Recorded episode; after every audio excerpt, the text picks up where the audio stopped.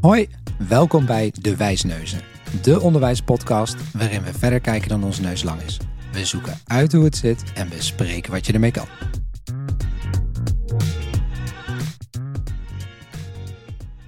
Welkom bij de twintigste aflevering van De Wijsneuzen. Mijn naam is Wessel. En mijn naam is Linda. En in deze aflevering staat de volgende vraag centraal. Hoe houd je rekening met de cognitieve belasting van je leerlingen of studenten? Zo, cognitieve belasting. Mooi Ehm, thema. Zeker. Ik denk, eh, nou ja, als het gaat over eh, de twee begrippen, die eh, vragen wel wat duiding, maar daar komen ze op. Mhm. Ja, cognitieve belasting, ja, het gaat over nou ja, het belasten van je denken, van je brein, suggereert het. Precies. Ja. Ehm, ja, Linda, jij bent erin gedoken. Waarom, waarom hebben we het hierover? Ja, goede vraag. Ehm, ik denk dat we het hier vooral over hebben, omdat er misschien ook wel een pijn zit. In, als wij ook wel eens op scholen of bij opleidingen binnenkomen. Ehm, en vooral zien, nou, één woord, propvol. Ja, Er gebeurt veel. We vinden veel belangrijk. We willen veel. Eh, nou, ook wel wel bekend hè, bij curriculumontwikkeling eh, de Twin Sins. Het vooropstellen van heel veel van activiteiten die leuk zijn. Of het ja, afvinken van heel veel inhoud. ja, ja. Ehm, dat is gewoon wel bijna overal wel aan de hand. Ehm, en als je het dan hebt over het cognitief belasten van je studenten, niet eens alleen cognitief, ehm, ja, dan, dan is dat relevant, denk ik, eh, eh, om daar eens wat meer in te duiken. ja want, want ons brein is geen harde schijf waar je eindeloos informatie in kan storten, hè, schijnt. Nee, precies. Nou ja, nu begin je ook wel een beetje met, eh, nou, ik denk waar we ook aan het einde van het gesprek wel opkomen. Want eigenlijk willen we heel graag hè, in deze aflevering wat principes meegeven waar je rekening mee kan houden. Om Ja. je studenten dus niet te overvragen en over te, te overbelasten. Ehm, en maar we gaan vooral, we richten ons dus vooral even op cognitieve belasting. En Ja. daarmee beseffen we ons dat we niet alles afdekken. Nee, nee. Dat is denk ik even goed om, eh, om te noemen. Maar goed, dus wel hè, vanuit die aanleiding van eh, hoe kunnen we nou wat liever zijn voor de hoofden van onze En studenten. zijn leerlingen. Ja, Ja, en precies. uiteindelijk ja, wat nuttiger de tijd besteden, om even zo te noemen. Ja, precies. En nou, ik denk dat het even goed is om ook te weten dat deze theorie al lang bestaat. Hij staat best wel aan de basis ook van, eh, nou ja, van onderwijskundige theorie en onderwijskundige kennis. Eh, we hebben het echt zelfs al over eh, de- een van de theorieën, de dual coding theory. Die staat echt in de jaren 60 stond die al centraal. Hè? Dus dat we ons werkgeheugen vooral eh, volgens een visueel en een auditief kanaal heel veel informatie opneemt. Ja, Eh, nou, die staat best wel aan de basis ook van die cognitive load theory, die meer in de jaren tachtig eh, door John Sweller op is gekomen. Want die theorie ja, die, die maakt eigenlijk heel inzichtelijk ehm, ja, hoe ons brein dus werkt en informatie opneemt en wat hij dus wel en niet kan. Ja, Dus de theorie die, komt al, eh, die gaat al enige jaren mee. Ja. Ehm, nou, ik vind het dus ook echt wel belangrijk om daar wat meer als docenten ook en als onderwijsmakers meer van te weten. Dan kunnen we daar wat meer rekening mee houden. ja, want uiteindelijk het leren en misschien ook wel de motivatie ten goede komt. Precies, Ja. precies. Nou, wat goed is om te weten, ehm, is even een heel kort lesje over hoe werkt dat, eh, hoe werkt dat leren nou. Eh, nou, vanuit een cognitief ja, perspectief zien we vooral dat we ehm, continu bezig zijn met informatie vanuit het korte termijn geheugen naar het langetermijn geheugen te brengen. Ehm, dus die overgang willen we mogelijk maken tussen die twee eh, geheugen. En wordt korte termijn geheugen ook wat werkgeheugen genoemd. Exact, Ja. dus werkgeheugen, inderdaad. Ja. Nou, en we weten dat werkgeheugen, waar, de- waar nieuwe informatie bijvoorbeeld dus visueel of auditief binnenkomt, ehm, die kan niet zo heel veel onthouden. En Nee. daar gaat vaak, eh, daar spreken we dus vaak van cognitieve overbelasting. En die overbelasting, die kan je eigenlijk in drie soorten overbelasting onderscheiden.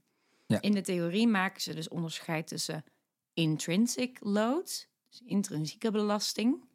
En dat gaat dus heel erg over als het wat jij mij nu aan het leren bent heel complex op zichzelf is. Dus eh, kwantummechanica of zo, ik zeg maar wat. ja, dan, dan, dan vraagt dat wat van mijn cognitieve belasting, van mijn werkgeheugen. Ja, dat is ingewikkeld. gewoon ingewikkeld. Ja, precies. Precies. Dan heb je daarnaast ook nog extrinsic load. Mhm. Dus dat gaat veel meer over de extrinsieke belasting. Nou, die is ook interessant, want die gaat vooral over alles wat er tijdens het leren gebeurt, waar ik eigenlijk dus niet zoveel aan heb. Afleiding. Afleiding, precies. Dat. Mobieltjes. Mobieltjes, inderdaad. Nou, niet voor niets dat daar natuurlijk in ieder geval het voortgezet onderwijs... eh, actueel. ja, toch wel een Ja. verbod eh, op Ja. is eigenlijk, zou je zeggen. Ja. Precies, hè? in de jaren tachtig hadden ze hier al inzicht in. Maar ik denk dat we tegenwoordig, dat we nog hier een heel ander perspectief op nog kunnen plaatsen. Met inderdaad alle telefoontjes en schermen. Ja. Oké, en dan de derde gaat over de germane load. En dat betekent dus de relevante belasting.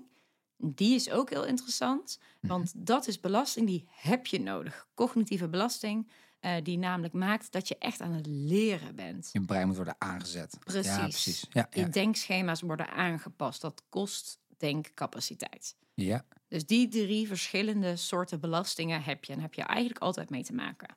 Dus Nou. intern, extern. Nou, en, en een soort van daartussenin zittend als het brein moet geactiveerd worden. Zeg maar. Precies. Ja. Ja. Oké. Nou, en het interessante is dus ook wat hij zegt in die theorie is, kijk, die intrinsieke belasting, die wil je, ehm, die wil je controleren. Hè, daar kan je invloed op uitoefenen, hoe, com- hoe grote delen complexiteit je aanraakt, aanreikt in één keer. Ja. Die externe, die wil je echt verkleinen. Dus dat is die ruis, die telefoontjes, et cetera. En die andere, dus die germane, die relevante, die is er altijd. Die wil je zelfs verhogen. En dat vind ik een hele interessante, ook als je nadenkt over de instructies die je geeft.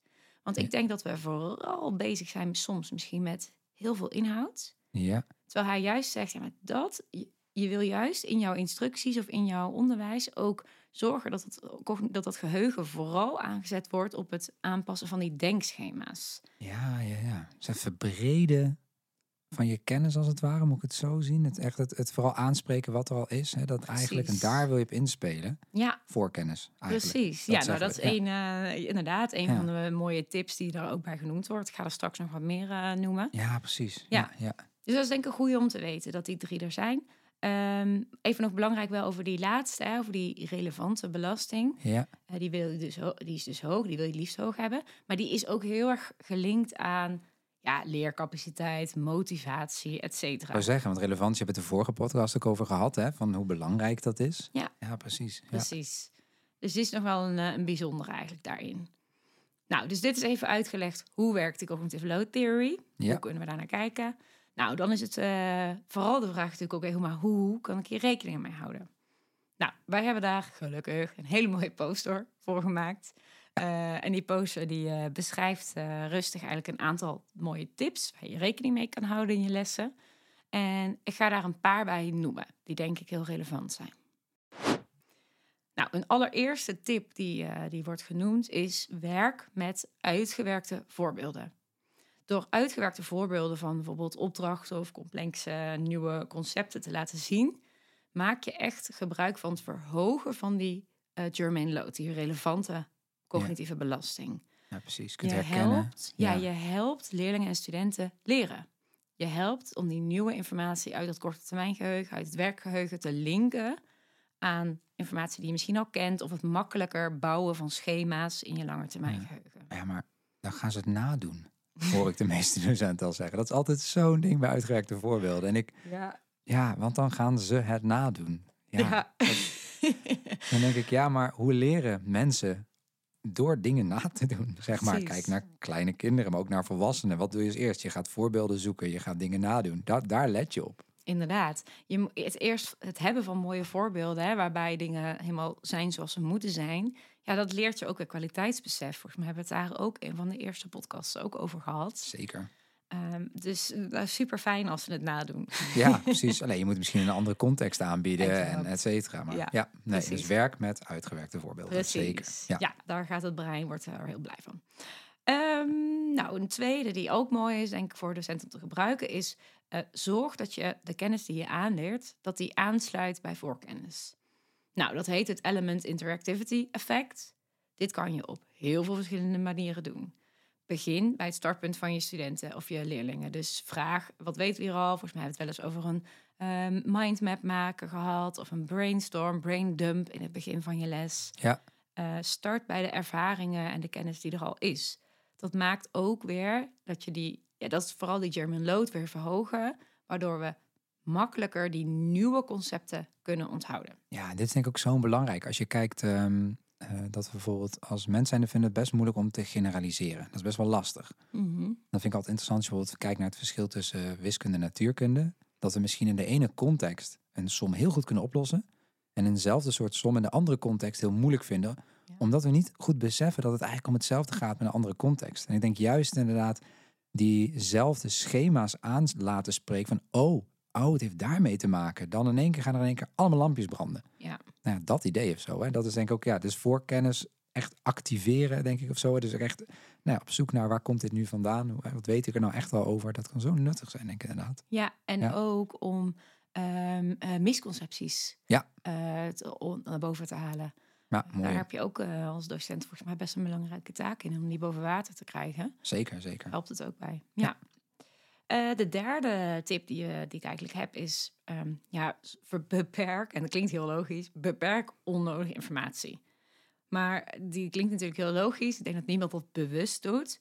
Maar we zijn nogal wel eens eh, geneigd om ehm, in onze instructie bijvoorbeeld een heleboel bijverhalen te vertellen of verdieping. En ik snap, hè, dat kan ook een verhaal mooier maken. Ja, want dit, dit kan natuurlijk wel schuren. Ja, dat is wel ja, effectiviteit versus wat is leuk of zo. Hè? Ja, want ik, nou ja, 100%. nogmaals, eh, met mijn achtergrond docent geschiedenis, ik vind het heel leuk om leuk verhalen te vertellen. En natuurlijk weet link aan de leerstof. Ja. Maar ja, onherroepelijk ben je dan ook heel veel ja, bijzaken aan het benoemen die het, het verhaal wel weer smeuig maken of zo. Helemaal waar. Kijk, en Ja. ik denk dat dat ook misschien mijn moeite überhaupt met dit onderwerp is. Ook, hè? Dit gaat Ja. allemaal over hoe kunnen we ons brein Effectief. het effectief mogelijk precies. bedienen. Ja, kan het Ja. Zo, ja, zo kort mogelijk tijd zoveel mogelijk effectief leren. Ja, Precies, maar dat is maar één kant. Dat, dan gaan we een beetje doen alsof we een computer zijn, hè? ja, zeg maar ook. wel een beetje meespelen, zeg maar. Daar mag je echt wel mee spelen. En eh, ik denk wel dat het goed is als je bij eh, studenten of leerlingen herkent van nou die lopen over of die Ja. is te veel. Nou, volgens mij mag je dan bij jezelf beseffen, stukje verlengde instructie, laat ik het klein houden. Ja, knop om aan te To draaien. Ja, Ja, precies. precies. Hele heldere opdracht meegeven. Weet je wel, dat daarin niet te veel onnodige informatie zit. Ja, mooi. En daarnaast gaat dit natuurlijk ook over, eh, eh, nou, bijvoorbeeld dus inderdaad die telefoontjes aan de kant. Dat soort dingen. Ehm, nou, en de laatste die eh, denk ik ook wel leuk is, als een tip, is eh, ja, combineer informatie met elkaar. Dus zorg dat je eh, bijvoorbeeld beeld en tekst, dat je daarin ja, een, een sterke combinatie levert. Want wat, wat ik al in het begin uitlegde, hè, we krijgen via twee kanalen bijna eigenlijk ehm, informatie binnen in ons werkgeheugen. Ja, Nou, daar kan je op slimme manieren mee omgaan. Maar ik denk dat die zich misschien nog wel leent om verder uit te diepen in een vervolgaflevering. ja, ja, ik moet hierbij ook al denken aan het spelletje Memory. Ja. Ja, dat heet niet voor niets memory. Dat is onthoud. Dit is ook wel echt heel erg van het leer slim, onthoud, woord, beeld. Ja. Precies. Dus, eh, maar ik denk inderdaad tijdens een andere podcast gaan we hier nog wat dieper op in. Precies. Nou, ik denk, ehm, ik begon ook eh, met, met, met aangeven dat deze theorie best wel eh, wat oud is. En Ja. daar is in essentie niet per se iets mis mee natuurlijk. Ehm, maar ik denk dat het ook wel goed is om het even met elkaar te hebben over op wat voor waarde schat je deze eh, informatie als docent nou. Want Ja, het is natuurlijk een illusie dat als we helemaal volgens deze theorie onze lessen inrichten, dat dan onze leerlingen perfect leren. nee, nee. Helaas. klopt. Ja, al zul je zeker scholen hebben die er, nou, die zijn er ook gewoon, weten we, helemaal op losgaan op al die theorieën vanuit dat cognitivisme, zo Ja. werk leren. En nou, dat levert vast iets positiefs op, dat weten we ook. Ja. Maar je verliest ook weer wat. Ja, precies. Hè? Ik, ik denk ook zelf, volgens mij moet je goed weten als docent wat past bij mij en wat is ook mijn visie op leren. Ja, Dit is een cognitieve, eh, cognitivistische benadering van leren. Ja. Eh, maar het zegt bijvoorbeeld niks over sociale of persoonlijke elementen die ook gaan over goed en effectief leren. Die worden eigenlijk amper benoemd. Ehm, dus het lijkt net alsof je daar als docent geen aandacht voor hoeft te hebben. Sociale interactie, eh, persoonlijke aspecten, voorkeuren, interesses, et cetera. precies. En die heeft natuurlijk ook allemaal te maken met hoe snel je belast bent. Want als ik naar iets heel saais aan het luisteren ben, dan voel ik me veel sneller overloaded. Ja. Hè? Dan als ik iets heel tof vind en ik het helemaal eh, allemaal wil begrijpen. Goeie. Dus die is denk ik goed van besef ook, eh, ja, hoe staan we, kijken we zelf naar leren. En ik vond het wel leuk dat een vrij recent onderzoek, zelfs van 2024, dus dit jaar, ook uitwees dat de zelfdeterminatietheorie, die we wel kennen, ehm, eigenlijk steeds meer een, in, ja, een, combinatie, een link wordt gelegd, in relatie wordt getrokken met die cognitive load theory. Ah, dat is een mooie combinatie. Ja. ik kan me ook wel voorstellen. Op het moment dat jij, ja, wat je net zelf al zei, als iets, ja, als je echt gemotiveerd voor bent, dan wil je er misschien ook wel gewoon meer capaciteit voor vrijmaken, om maar Ja. even zo te noemen. Hè? Dat is gewoon, dan ben je meer welwillend dan, oh, heb ik echt geen zin in, om Nee. even zo te noemen. Nee, Ja. dus, dus ook weer het verbonden zijn, eh, in, rela- in relatie voelen tot anderen. Dat soort dingen hebben dus allemaal ook, staan dus allemaal ook in relatie met die cognitieve overbelasting. Ja. Dus eh, het is niet een enige knop waar je eh, rekening mee Nee, geen harde schijf. Nee, nee, precies.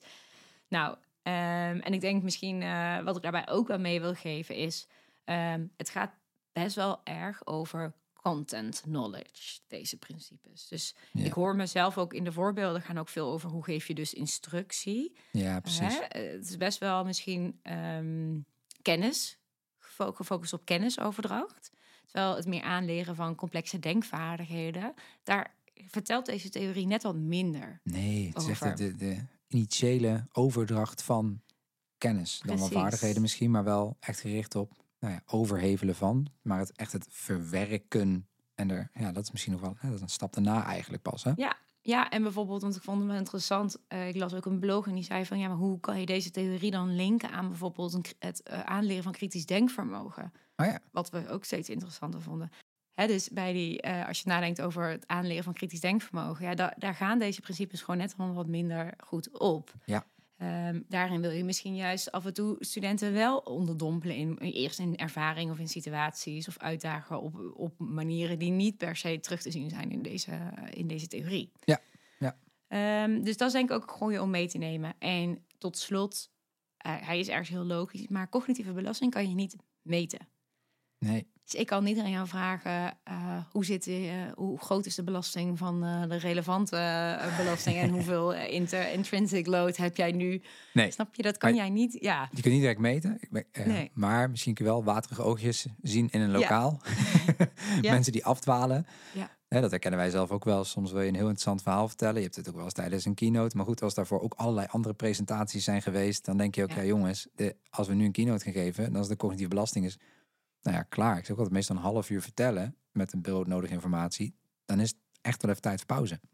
En dat is wel, eh, en we zijn denk ik als mens zijnde, nou ja, als ik kijk naar gemiddelde studiedag bijvoorbeeld, om ook even daar naartoe te trekken. Mhm. Daar kan er soms wel informatie over je heen komen. En denk je, ja, wat onthoud je daar nou van? Ja. Zeg maar. En dat, nou, datzelfde naar mijn lesgeven. Helemaal waar. Het is Ja. wel eh, kritisch nadenken over wat is het doel en is er voldoende denkruimte, Ja. verwerkingsruimte.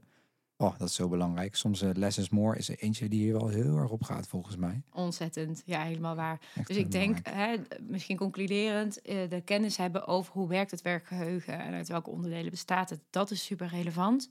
Ben je bewust van de keuzes die je hebt te maken daarbinnen? Ja. Eh, maar begrijp ook dat, het, eh, dat er heel veel meer aspecten rondom leren komen kijken die eh, een hele belangrijke rol spelen. Zeker. Dit is geen checklist eh, en we zijn er. Nee, nee. precies. Nee, nou fijn. Nou, volgens mij een heldere uitleg. Ook eh lekker fijne nuance, inderdaad. Eh, nou, volgens mij eh, nuttig om ook wel wat in de praktijk mee te doen. Ehm, bedankt. En jullie bedankt voor het luisteren. Tot, de, volgende.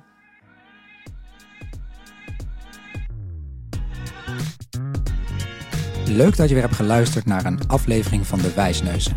Wil je nu meer weten over het onderwerp wat we net hebben besproken? Ga dan naar vernieuwenderwijs.nl slash podcast.